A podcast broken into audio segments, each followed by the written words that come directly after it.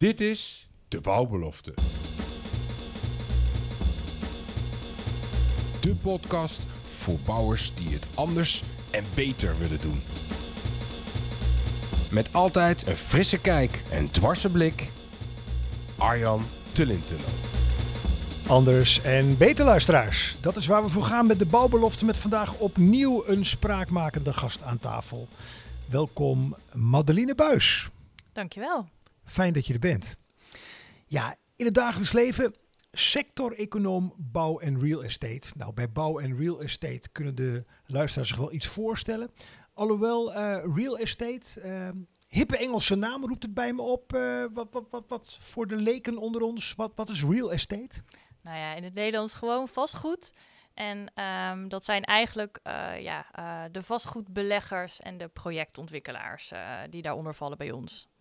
En die liggen ook wel een beetje onder vuur de laatste tijd, heb ik de indruk. Ja, daar is wel wat discussie over inderdaad. Nou, zullen we het vast nog wel even over hebben het komende half uur, eh 40 minuten. Eh, jij publiceert en presenteert analyses over recente economische ontwikkelingen in diezelfde bouw- en real estate. Je hebt een maandelijkse column in de Cobouw. Hou je nog wel tijd over voor andere dingen, vraag ik me dan af. Ik hoop het wel. eh, nee, zeker. Dat, gelukkig heb ik ook nog wel wat vrije tijd.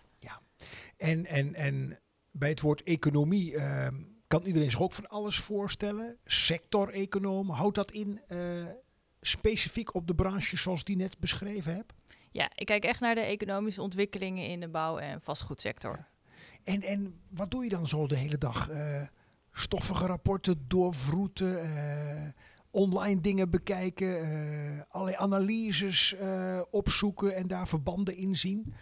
Nou ja, ja, het is heel divers. Ehm, wat ik zo al op een dag doe, ehm, hè, soms geef ik presentaties ook aan eh, mijn interne collega's die eh, echt de relatiemanagers bijvoorbeeld voor de bouwsector zijn. En daarna inderdaad ga ik weer kijken naar een nieuwe publicatie en nou, probeer, heel, probeer ik heel veel bij te lezen over nou ja, wat gebeurt er allemaal in de sector.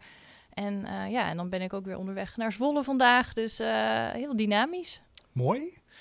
En ehm, wat, wat voor studieachtergrond heb je? Ik heb economie gestudeerd en eh, ook nog politicologie, maar daar eh, doe ik op dit moment ietsje minder mee. En dat vind ik wel interessant. Economie kan ik volgen, want je bent sector-econoom. Politicologie. Volg je dan ook met een gemiddelde, of meer dan gemiddelde interesse, wat er nu in Den Haag gaande is, heel actueel? Ja, ja, toch wel. En eh, ja, het is ook voor de, de, voor de bouw- en vastgoedsector ook wel heel interessant wat daar allemaal gebeurt. Dus het, is, eh, ehm, het komt ook in dat opzicht wel van pas. En stel, stel Marlene dat jij in de schoenen zou staan van Johan Remkes. In de beslotenheid van de stadhouderskamer. Wat zou dan jouw aanpak zijn om de boel vlot te trekken? Ja, dat is wel een hele lastige. Daarom stel ik hem Dat, ook. eh, nee, kijk nou, ehm, ik, ik, ik hoop dat, eh, dat iedereen over zijn persoonlijke eh, nou ja, discussies en problemen heen stapt en kijkt van wat er allemaal in het land nog moet gebeuren. Want er zijn toch best wel wat ehm, grote problemen die echt eh, een oplossing nodig hebben. En ja, dat kan niet als er geen kabinet is. Eens, eens. En, en ja, ik heb wat dingen over jou eh, gevonden. En, en je praat over een aantal eh, vraagstukken die grote impact hebben de komende tijd. Hè? Digitalisering, eh, veranderde arbeidsmarkt, vergrijzing, verduurzaming. En jawel, daar hebben we weer, circulariteit. Daar heeft de bouw het al heel lang over. Ehm, laat ik beginnen met woningmarkt. Dat was wel een hele actuele hè, op dit moment. Ja. Ehm, je schreef ook iets over de situatie in Amsterdam om mee te beginnen. De situatie met woningbouwcorporaties. Dat het aantal verstrekte vergunningen hè, eh, aan woningcorporaties, specifiek in Amsterdam, vul me aan als ik het verkeerd vertaal, beduidend lager is dan voorheen. Ja, klopt inderdaad. Dat, eh, er is natuurlijk heel veel discussie over woningcorporaties eh, en over bouw natuurlijk, hè, van woningen in het algemeen. En welke rol die woningcorporaties erin moeten hebben. En je ziet eigenlijk dat er wel een beetje de tendens is van ja, goh, die woningcorporaties die moeten meer bouwen. Er zijn te weinig betaalbare huurwoningen. En vervolgens zie je eigenlijk dat er maar steeds maar minder vergunningen worden afgegeven. En dan ja, toch eens kijken van goh, waar komt dat nou eigenlijk door? En als je dan echt in die cijfers gaat kijken, zie je gewoon dat er in Amsterdam gewoon bijna geen vergunningen meer worden afgegeven. En als je dus Amsterdam ook uit de cijfers haalt, dan valt die hele situatie nog wel mee. Dus in dat opzicht zie je dus ook soms dat het heel erg lokaal verschillend is wat er nou gebeurt. Maar ja, tegelijkertijd is Amsterdam natuurlijk wel een hele belangrijke ehm, eh, stad, ook voor de bouw. Want het is natuurlijk de grootste stad van Nederland. Dus als daar iets misgaat, ja, dan heeft dat gewoon ook landelijk effect. Dus dat, ja, dat probeer dan in ieder geval ook even te laten zien van... kijk, goh, hè, wat gebeurt er nou in Amsterdam... en ehm, wat voor gevolgen heeft dat nou voor, uh, voor die woningcorporaties? En, en uh, gaat je onderzoek dan ook zo dat je, je signaleert dat er gevolgen zijn hè, op basis van cijfers. Heel prima natuurlijk. Uh, maar welke gevolgen heeft het dan? Stel, we zouden elkaar over twee jaar weer spreken voor een bouwbelofte podcast. Welke gevolgen heeft dan de situatie, denk jij, voor de komende twee jaar? En dan, je bedoelt echt voor de woningbouw. Ja. Uh, nou ja, kijk, uh, dat soort processen zijn vaak echt, dat duren best wel lang. Dus um, weet je, ja, ik hoop in ieder geval dat dan over twee jaar die vergunningen weer uh, flink aan het toenemen zijn. Maar dan ga je natuurlijk wel zien dat eerst nog die dip in die, die woningbouw moet komen. En dat hebben we eigenlijk natuurlijk de afgelopen jaren ook al gezien. Omdat op een gegeven moment, ja, namen die vergunningen heel erg af. En dan, uh, ja, dan, dan, dan worden er gewoon veel minder woningen gebouwd. Terwijl we er juist veel meer nodig hebben. Ja. En, en stel, we mogen ook van stelsituaties uitgaan en ook een, een, een, proberen een doorkijkje te geven naar de toekomst. Uh, er zijn weer geluiden dat er een ministerie voor Volkshuisvesting en Ruimtelijke Ordening zou moeten zijn. Stel dat jij je gevraagd zou worden, hè, dan, dan, en je zou een mandaat hebben. Hè, even probeer je voor dat alle gekrakeel eromheen weg zou zijn. Wat zou jij dan, um, wat zou je dan doen? Ja, inderdaad, want dat is natuurlijk, hè, dat is natuurlijk de grote vraag: hoeveel, hoeveel geld komt er dan ook voor zo'n uh, zo'n ministerie uh, beschikbaar? Nou ja, ik zou echt inderdaad wel gaan kijken naar um, hoe kan ik uh, bijvoorbeeld die woningcorporaties aan het bouwen krijgen. Um, hè, daar, daar hebben we natuurlijk ook al, is het ook in de politiek gaat heel erg lang over de verhuurdersheffing. Um, zou je die eraf halen? Ja, ik zou die eraf halen. Het is Waarom? Nou, kijk, je, je belast op dit moment uh, met zo'n nou, 1,7 of zelfs iets meer miljard euro uh, woningcorporaties per jaar. Um, terwijl dat juist partijen zijn die ja, eigenlijk betaalbare woningen moeten creëren voor mensen die um, ja, weet je, andere woningen gewoon niet kunnen betalen. Um, je ziet dat daar een enorm tekort aan is. En dan vervolgens ga je die ja, partijen, de woningcorporaties, nou ja, 1,7 miljard laten afdragen aan de staatskas. Het is ooit bedacht, uh, de maatregel, uh, omdat uh, in, een beetje tijdens de vorige crisis, toen het nou, ook slecht met de begroting ging, van nou, iedereen moet een bijdrage leveren. Nou, inmiddels zit het toch echt wel een andere situatie. En nog steeds moeten die woningcorporaties ja, die bijdrage doen. En je kan veel beter zeggen, um, weet je, gebruik dat geld nou voor en voor nieuwbouw en voor verduurzaming.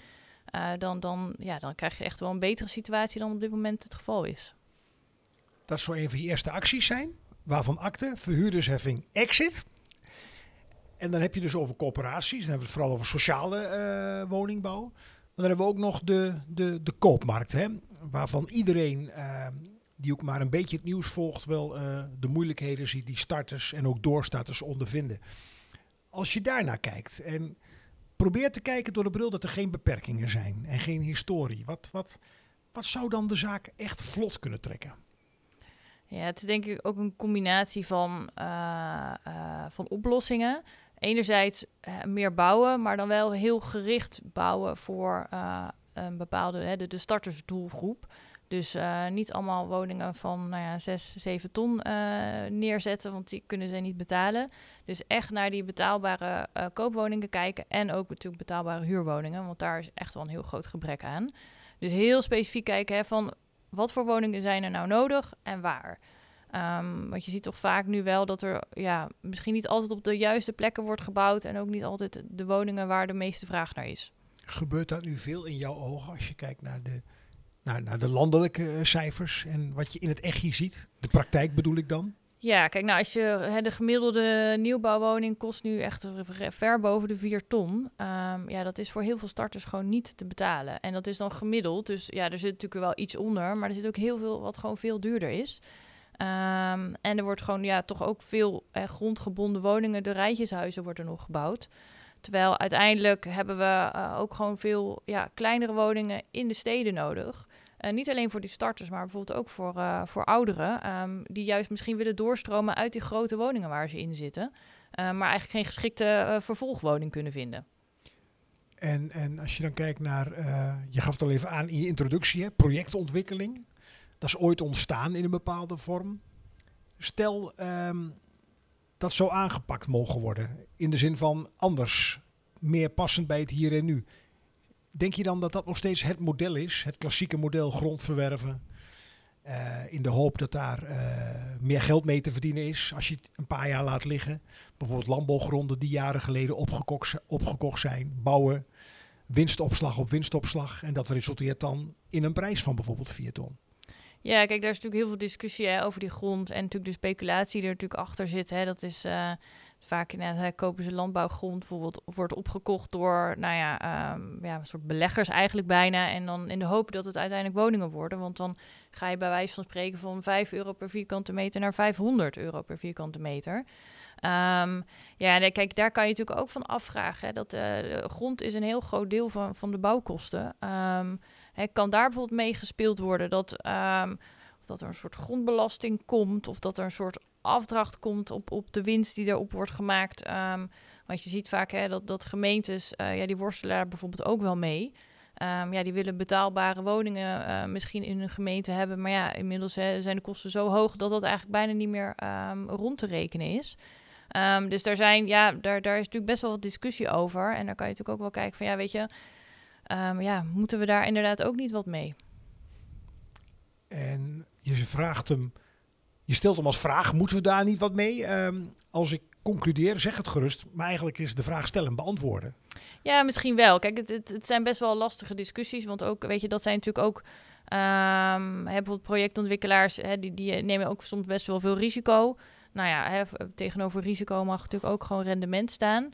Maar ja, dan is de vraag, weet je wel, inderdaad, mag al die waardestijging in, in, in die grond, mag dat alleen maar naar die private partijen gaan? Of ja, misschien moet je daar ook juist wel wat van terug gaan geven aan, eh, aan, aan de maatschappij en aan de gemeentes, van wie ja, waarschijnlijk de grond gekocht is. Ehm, en die discussie speelt bijvoorbeeld nu ook hè, bij, eh, bij de overwaarde van, eh, van heel veel mensen op hun woningen. Ja, moeten we die gaan belasten bijvoorbeeld? Ehm hè, zo, zo zie je eigenlijk heel veel discussies over ja, hoe kan je die woningmarkt ook wat, misschien wat gelijker maken. En durf jij een inschatting te maken of een volgend kabinet of een daaropvolgend kabinet daar echt wat mee zou eh, gaan doen? Ja, het zijn tegelijkertijd natuurlijk best wel omstreden eh, maatregelen. Als je bijvoorbeeld ook over hypotheekrente aftrek, hè, daar, daar, daar steggelen we natuurlijk ook al heel erg lang over. Ehm, kijk, ik denk dat er wel wat, er zullen wel maatregelen komen. Want ik, volgens mij is iedereen wel helemaal er wel van overtuigd dat er dingen op de woningmarkt niet goed gaan. Maar hè, bijvoorbeeld belasten overwaarde, ehm, ja, dat is denk ik nog wel echt een, een, een, een- ja, een brug verder, om het maar zo te zeggen. Ehm, dus ik, Dan zijn we zo twee generaties verder. dat zou best wel kunnen, ja. Ik snap hem, ik snap hem. Een ander eh, onderwerp, eh Madeline. Column in de koopbouw. Al bijna zeven jaar. Iedere maand, meen ik, hè? Ja, klopt. Waar, eh, waar haal je inspiratie vandaan? Ehm, nou ja, dat, dat wisselt heel erg. Soms hè, dan lees ik iets en denk ik, oh, hey, dat is wel een interessant feitje. Weet je, daar moet ik eens eventjes naar gaan kijken. Of, nou ja, soms eh, kom ik ook privé. eh, want ja, hè, iedereen heeft natuurlijk, natuurlijk een woning. Kom je natuurlijk ook wel eens wat tegen. Dus dan denk ik, nou, er zit misschien ook wel eens wat in. Dus dat is, eh, dat, het kan ook soms hele, gewoon hele kleine dingen zijn. En dat maakt het ook wel weer leuk. Het zijn natuurlijk niet te het zijn redelijk compacte stukken. ehm, dus je kan ook vaak over ja, wat kleinere dingen kan je ook eh, prima een stuk eh, schrijven. Dus dat ehm, het hoeven niet allemaal hele grote, grote gebeurtenissen te zijn. die Kun je een voorbeeld noemen wat je, wat je het afgelopen, de afgelopen drie, vier, vijf maanden zo benoemd hebt?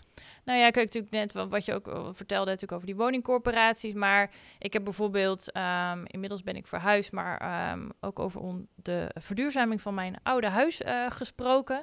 Ehm, dat, dat was een huis uit eh, 1890 en eh, nou, dat was eh, niet zo heel erg duurzaam. Met een E-label of zo Ja, waarschijnlijk? met, een- met een G-label inderdaad. zelfs. Ja, G. Dat. en het is ook nog een gemeentelijk monument, dus dat, dat maakt het ook allemaal niet heel makkelijk. En dan ook een beetje de, de strubbelingen die je dan ook ehm, ja, eigenlijk eh, tegenkomt, ook bijvoorbeeld met een gemeente. Als je eigenlijk denkt, nou ja, ik wil gaan verduurzamen, nou ja, hè, dan eh, hoop je dat je met open armen ontvangen wor- wordt. Want ja, dat, eh, er moet nog heel veel verduurzaamd worden, maar dat je vervolgens toch een beetje in een bureaucratische molen terechtkomt. En ik denk, nou ja, dat is misschien ook wel eens weer ja, goed om dat ook eens te laten eh, ook op te schrijven. Want ehm, ja, weet je, we moeten nog zoveel verduurzamen. Dan probeer je natuurlijk wel altijd een beetje het grotere geheel in het achterhoofd te houden. Ehm, ja, weet je, dat zou natuurlijk ook hè, ehm, eigenlijk wat makkelijker gemaakt moeten worden. En, en, en als je het daar dan over hebt, wat, wat zou je op korte termijn beter kunnen pakken waarvan mensen gelijk iets van resultaat zien? Ehm, en bedoel je over de verduurzaming? Nou, eh? als je dan kijkt naar, want dat horen we meer, hè, omdat we als bouwclub natuurlijk juist eh, de friskijkers en de dwarsliggers in de bouw eh, een podium willen geven. Dat bijvoorbeeld een aannemer wel wil, maar dat je dan met een bouwbesluit te maken krijgt, bijvoorbeeld ehm, bureaucratie. Ja. Komt toch het woord. Dus, dus ik heb wel eens het idee dat, dat wat men landelijk graag wil, niet ingedaald is in concreet bruikbare wet- en regelgeving. Mag ik het zo stellen?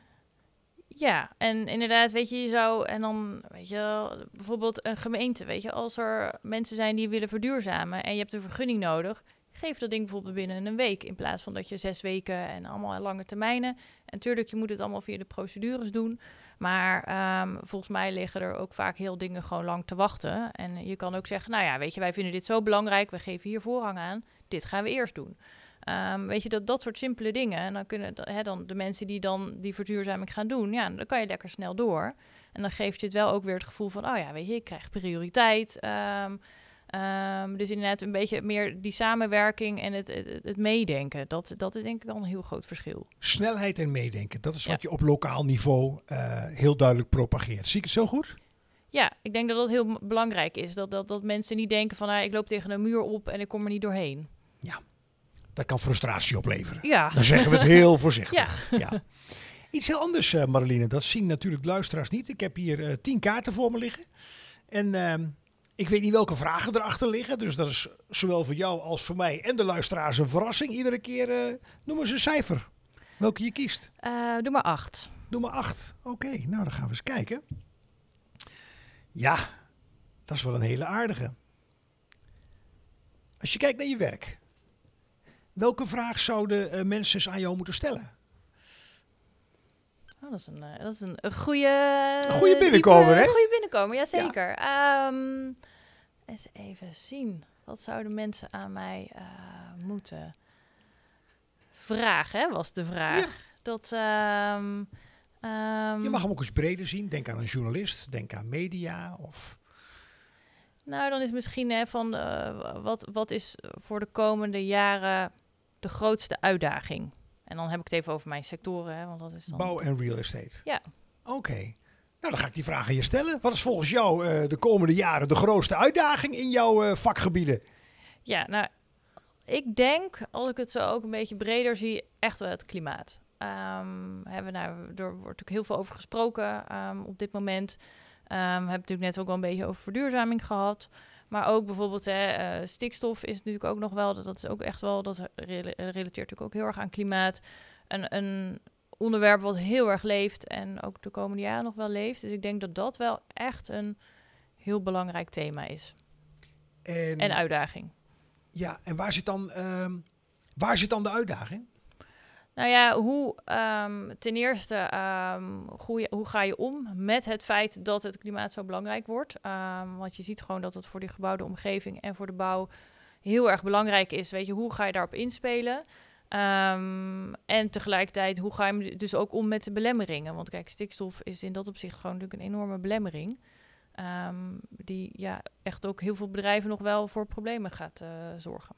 Heb jij de indruk dat, dat roept jouw antwoord bij me op, dat bouw en, en de vastgoedwereld, hè, dat die eh, echt goed doordrongen zijn van, van, van de noodzaak dat daarin iets heeft te veranderen?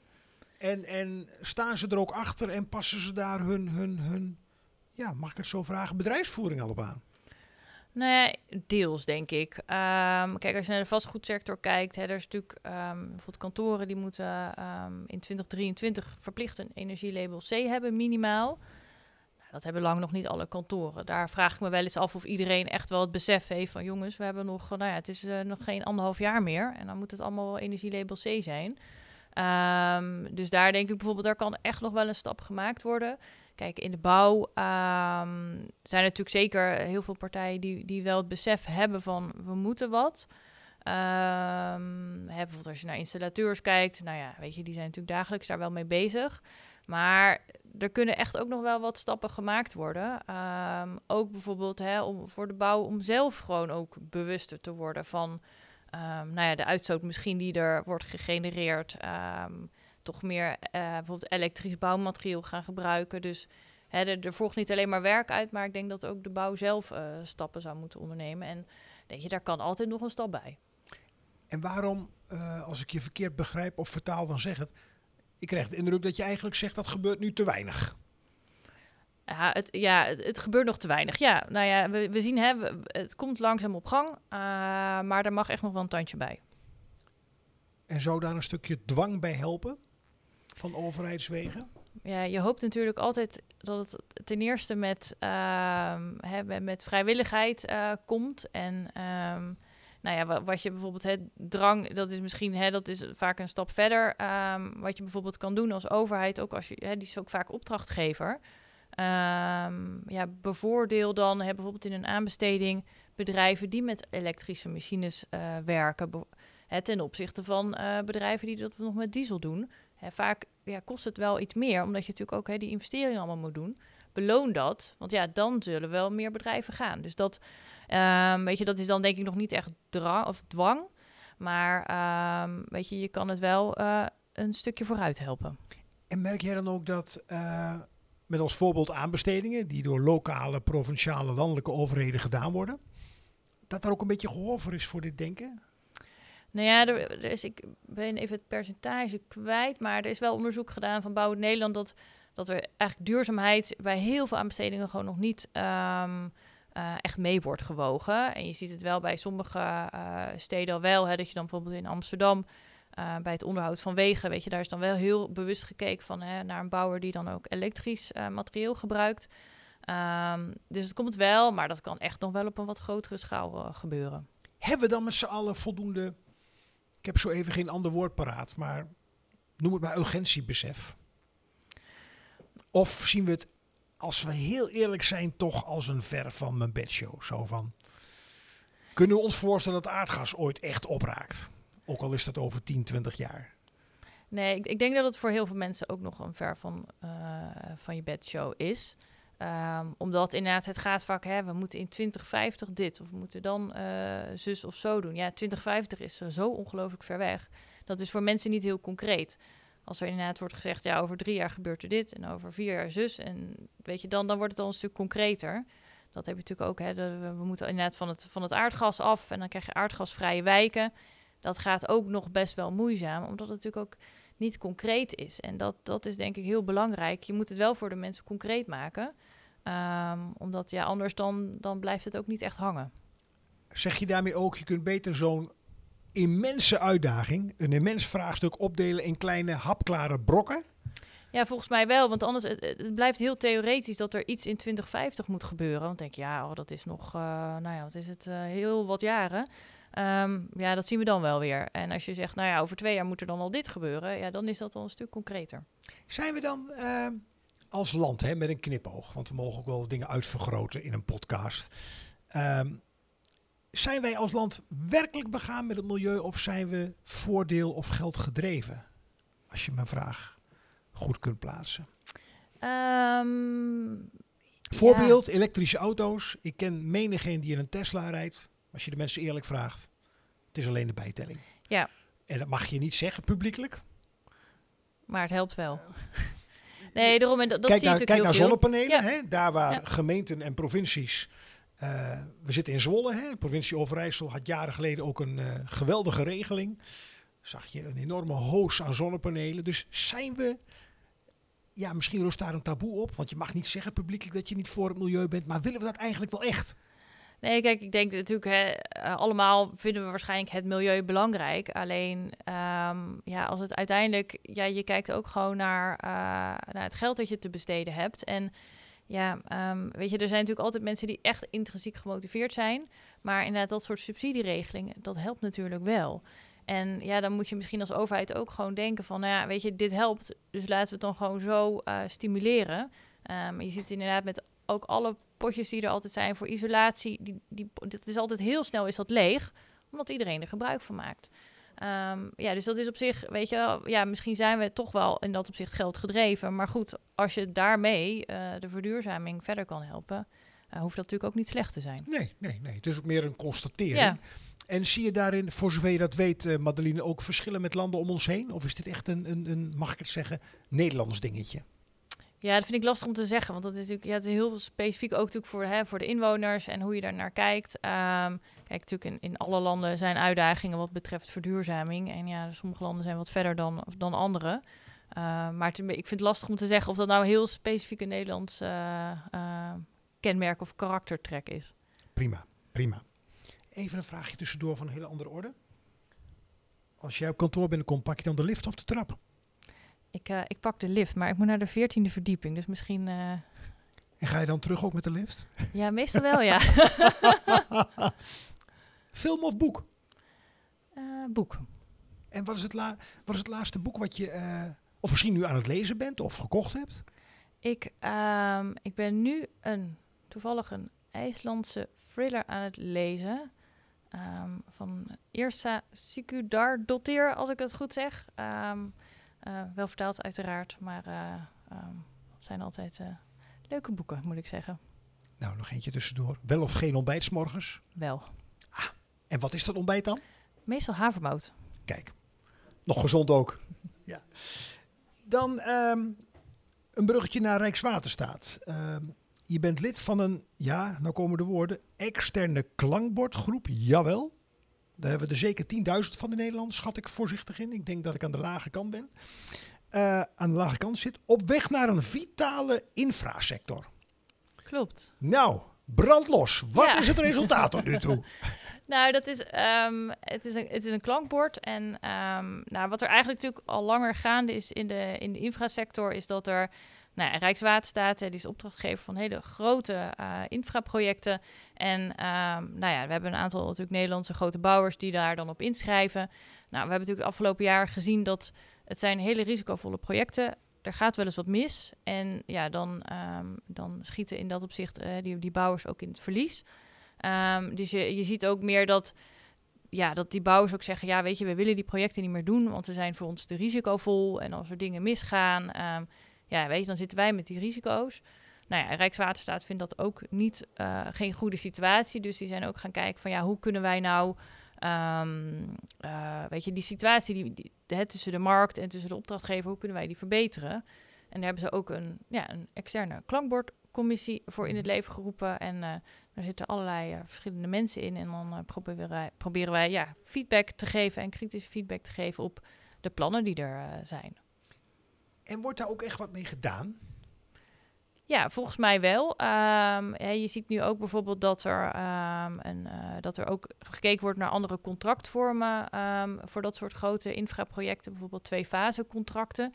Dat, er, eh, dat, dat ook die contracten opgesplitst worden, zodat je niet meteen eigenlijk bij, bij het nulpunt uh, een prijs moet afgeven, maar dat je dat eigenlijk wat later in het proces doet, zodat je ook dan wat beter kan inschatten van ja, hoe duur is nou eigenlijk iets.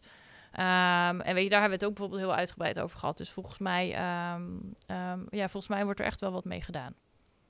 Kan het ook te maken hebben, Marlene, het schiet me nu zo te binnen dat uiteindelijk, uh, jij zit er beter in, hè, dus reageer gelijk als ik iets verkeerd zeg. Grote infraprojecten, denk aan de Noord-Zuidlijn in Amsterdam. Financieel debakel nummer zoveel in de afgelopen 30 jaar. Naast de Betuurlijn, en zo kun je nog een voorbeelden noemen. Dat uiteindelijk een lokale overheid mag beslissen. Ja, nou ja, dat, Noord-Zuidlijn ja. was een besluit van de gemeente Amsterdam. Ja. ja. Kijk, weet je, ik weet niet zo goed, want hè, we zien natuurlijk bijvoorbeeld ook uh, de, de A15 bij het Botlekgebied. Ja, dat is dan wel echt vanuit Rijkswaterstaat, hè, vanuit de, de nationale overheid. Uh, ja, daar zijn natuurlijk ook dingen heel erg misgegaan. Um, nou ja, weet je, Afsluitdijk, Zeesluis, IJmuiden, nee, uh, Zuidasdok. Um, um, en de, in dat opzicht, de opdrachtgevers wis, uh, verschillen wel. Um, dus ik, ik denk vooral dat het heel erg ook te maken heeft met ja, weet je, de, de grootte van de projecten, um, wat er allemaal onder valt. en ja, weet je, dus, dus ik denk, hoeft niet per se denk ik te zijn dat het ligt aan, weet je, het type opdrachtgever. Oké. En, en wat, wat is het belangrijkste? Want je bent een klankbordgroep die mag adviseren, begrijp ik, hè?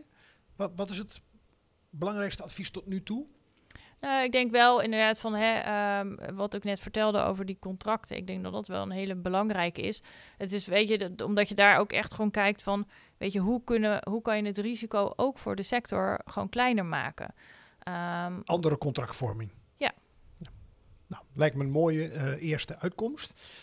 Ik heb soms idee we met gemak twee uur kunnen vullen met alle thema's die eh, zo eh, aan de orde komen. Ik wilde wel eentje beetpakken die ehm, regelmatig de media haalt. Vergrijzing.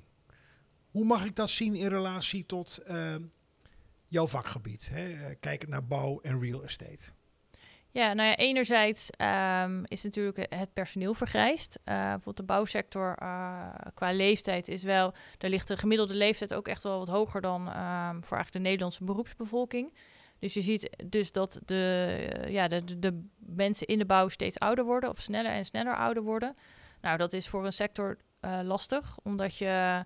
Ja, als je dan niet genoeg aanwas van nieuwe medewerkers krijgt... ehm, En is die aanwas er wel? Als je kijkt naar eh, jongeren die nu nog kiezen voor het ambacht. Ja, ja die, die is er zeker wel. eh, maar niet genoeg om echt die, die ouder wordende bevolking te compenseren. We hebben natuurlijk echt in de vorige crisis gezien dat die opleidingen echt opdroogden. Omdat het natuurlijk heel slecht met de bouw ging. Gelukkig is dat inmiddels wel weer voorbij. Maar je ziet eigenlijk dat er niet voldoende personeel meer komt. En misschien, en aan de andere kant, wat je natuurlijk ook hebt, is dat ehm, weet je, de Nederlandse bevolking wordt steeds ouder. En eh, we moeten ja, langer thuis blijven wonen. Maar we krijgen wel een grotere zorgvraag. Ehm, hè, waar gaan we dan naartoe? Blijven we inderdaad in die rijtjeshuizen wonen of gaan we naar andere huizen? Dus ook ehm, ja, eigenlijk de klant van de bouw eh, en van de vastgoedsector wordt steeds ouder. En daar moet je ook eh, ja, oplossingen voor bedenken. Heb je er al één in gedachten? Het is, een, het is een lastig vraagstuk, een groot vraagstuk ook. Ja, ja, maar inderdaad wel ook tegelijkertijd wel weer een vraagstuk. Weet je, we weten dat het eraan zit te komen. eh, want eh, van de bevolking kan redelijk goed voorspeld worden. Nou ja, weet je, ten eerste eh, bouw voor die ouder wordende bevolkingsgroep. Ehm, dus weet je wel, bouw daar bijvoorbeeld appartementen voor. ehm, die wel in de buurt van voorzieningen zitten. Want dat is natuurlijk wel heel erg belangrijk. Ehm, dat je daar dichtbij zit. Dus dat is een hele een goede. eh, ja, en, en denk ook na over oplossingen, weet je, in huizen. Ehm, en daar wordt natuurlijk ook al wel over nagedacht. Dat je dus hè, met, met kleine aanpassingen ehm, gewoon lang in je, in, je, je woning kan blijven wonen. Ja, het roept veel bij me op. eh, past ook wel in die gedachte die ik net zei, dat we met gemak nog een uur zouden kunnen vullen. Ja, even heel kort. Ik pak hem toch beet. Circulariteit. We praten wel vaker in de podcast over jeukwoorden. Nou, dit is nou zo'n heel hip woord, net als verduurzaming, circulariteit. Is het niet voor een groot deel window dressing? Nou, ik denk het niet. Ehm, als je kijkt hè, naar bijvoorbeeld naar de bouwsector en daar wordt natuurlijk heel veel materiaal gebruikt. Ehm, ook wel vervuilend materiaal. Hè. Nou, denk aan beton of cement. Als je dat eh, voor de productie, dat is gewoon niet. Er is veel CO2 komt daarbij vrij. Ehm, dus dat is in dat opzicht ook best wel een vervuilende sector.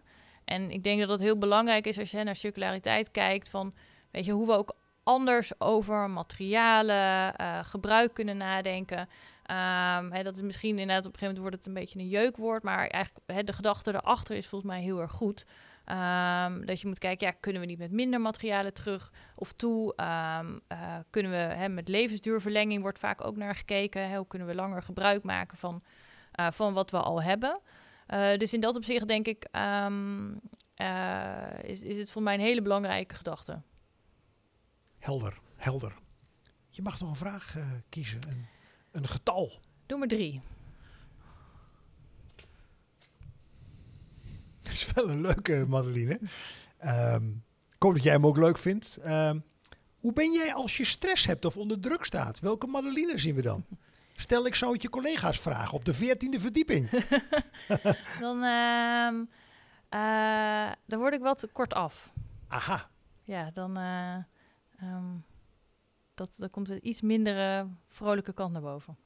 en wat zijn onderwerpen of thema's of gedoe, groot of klein gedoe, waar jij dan stress van zou kunnen ervaren in je werk? Nou, kijk, eh, thema's denk ik niet. Het is meer ehm, eh, bijvoorbeeld veel deadlines, korte deadlines, allemaal tegelijk. Dat je denkt, waar, we- wat, wat moet eerst? Eh, dat is denk ik vooral Een soort keuzestress. Ja, keuzestress. ja. Mooi, mooi. Richting een afronding, Madeline. Ehm, BNR wel bekend bij vastgoed gezocht. Bouwen wordt al maar duurder. Dan denk ik aan de handjes, waar we net eigenlijk al min of meer over gehad Ja. hebben, maar ook aan de grondstofprijzen. Klopt. Ehm, wat we lezen is dat het alleen maar duurder wordt. Ja. Prijsstijgingen tot 30% op de, op de, op de netto-inkoop, die, die hoor je al. Ja. Ehm, wat, wat, wat, ja. Hoe lang gaat dat nog duren? Of maak ik, de, maak het vraagstuk daarmee te eng? Ehm, nee, op zich niet. Ehm, kijk, we, we verwachten wel dat dit de rest van het jaar sowieso nog eh, zal duren. Ehm het gaat met name natuurlijk om hout en, en staal. Dat zijn echt wereldwijde producten waar echt die prijsstijgingen heel hard gaan op dit moment. En eh, je ziet eigenlijk als je naar de wereldwijde markt kijkt, dat de grootste piek er inmiddels wel een beetje uit is. Maar dat duurt vaak nog eventjes voordat, eh, voordat je dat in Nederland ook merkt en, en die prijzen ook weer gaan zakken. Dus op dit moment zie je eigenlijk dat die prijsstijgingen nog steeds doorgaan. Ehm, dus daarom verwachten we ook wel dat zeker eind na dit jaar nog, misschien ergens volgend jaar ook nog wel. En dat hij dan op een gegeven moment zal het ook wel weer wat gaan afzwakken. Omdat het ook natuurlijk de oorsprong in die eigenlijk de uitbraak van de, het coronavirus is. Nou, dat- dat ligt inmiddels ook al best wel een tijdje achter ons. Ehm, dus op een gegeven moment zal dat zeker wel weer wat gaan normaliseren. Ehm, al kan je ook nog wel zeggen, hè, als we het bijvoorbeeld over hout hebben. ehm, daar zie je gewoon de afgelopen jaren dat die vraag gewoon steeds verder toeneemt. Omdat je bijvoorbeeld met prefab bouwen wordt veel hout gebruikt. Dus in dat opzicht, ehm, kijk, die extreme piek zal er wel uitgaan. Maar ja, dat je dan helemaal naar het oude niveau hoef je ook weer niet te gaan. Omdat gewoon die vraag veel groter is dan voorheen. Ja, die laat ik even eh, bezinken. Ik denk de luisteraars ook. Ik denk dat dat in die zin goed nieuws is. Dat het dus eh, met een beetje geluk eh, over een jaar eh, flink af gaat vlakken. Ja, maar dan in de tussentijd heb je natuurlijk nog echt wel te maken met flinke prijsstijgingen. Dat is inderdaad 30, 40, 50 procent. Dat zijn ook geen, geen kleine stijgingen. Nee, nee, nee. Richting een afronding, Madeline. Ehm, toch komt weer eh, volkshuisvesting en ruimtelijke ordening boven. En getriggerd door jouw lid zijn van die externe klankbordgroep. Stel, ehm, een kabinet zou het echt anders willen doen en per ministerie eh, een stel mensen uit de echte praktijk om zich heen verzamelen. Nou, daar zou ik jou zeker toe willen rekenen. Ehm, wat zou je dan inbrengen?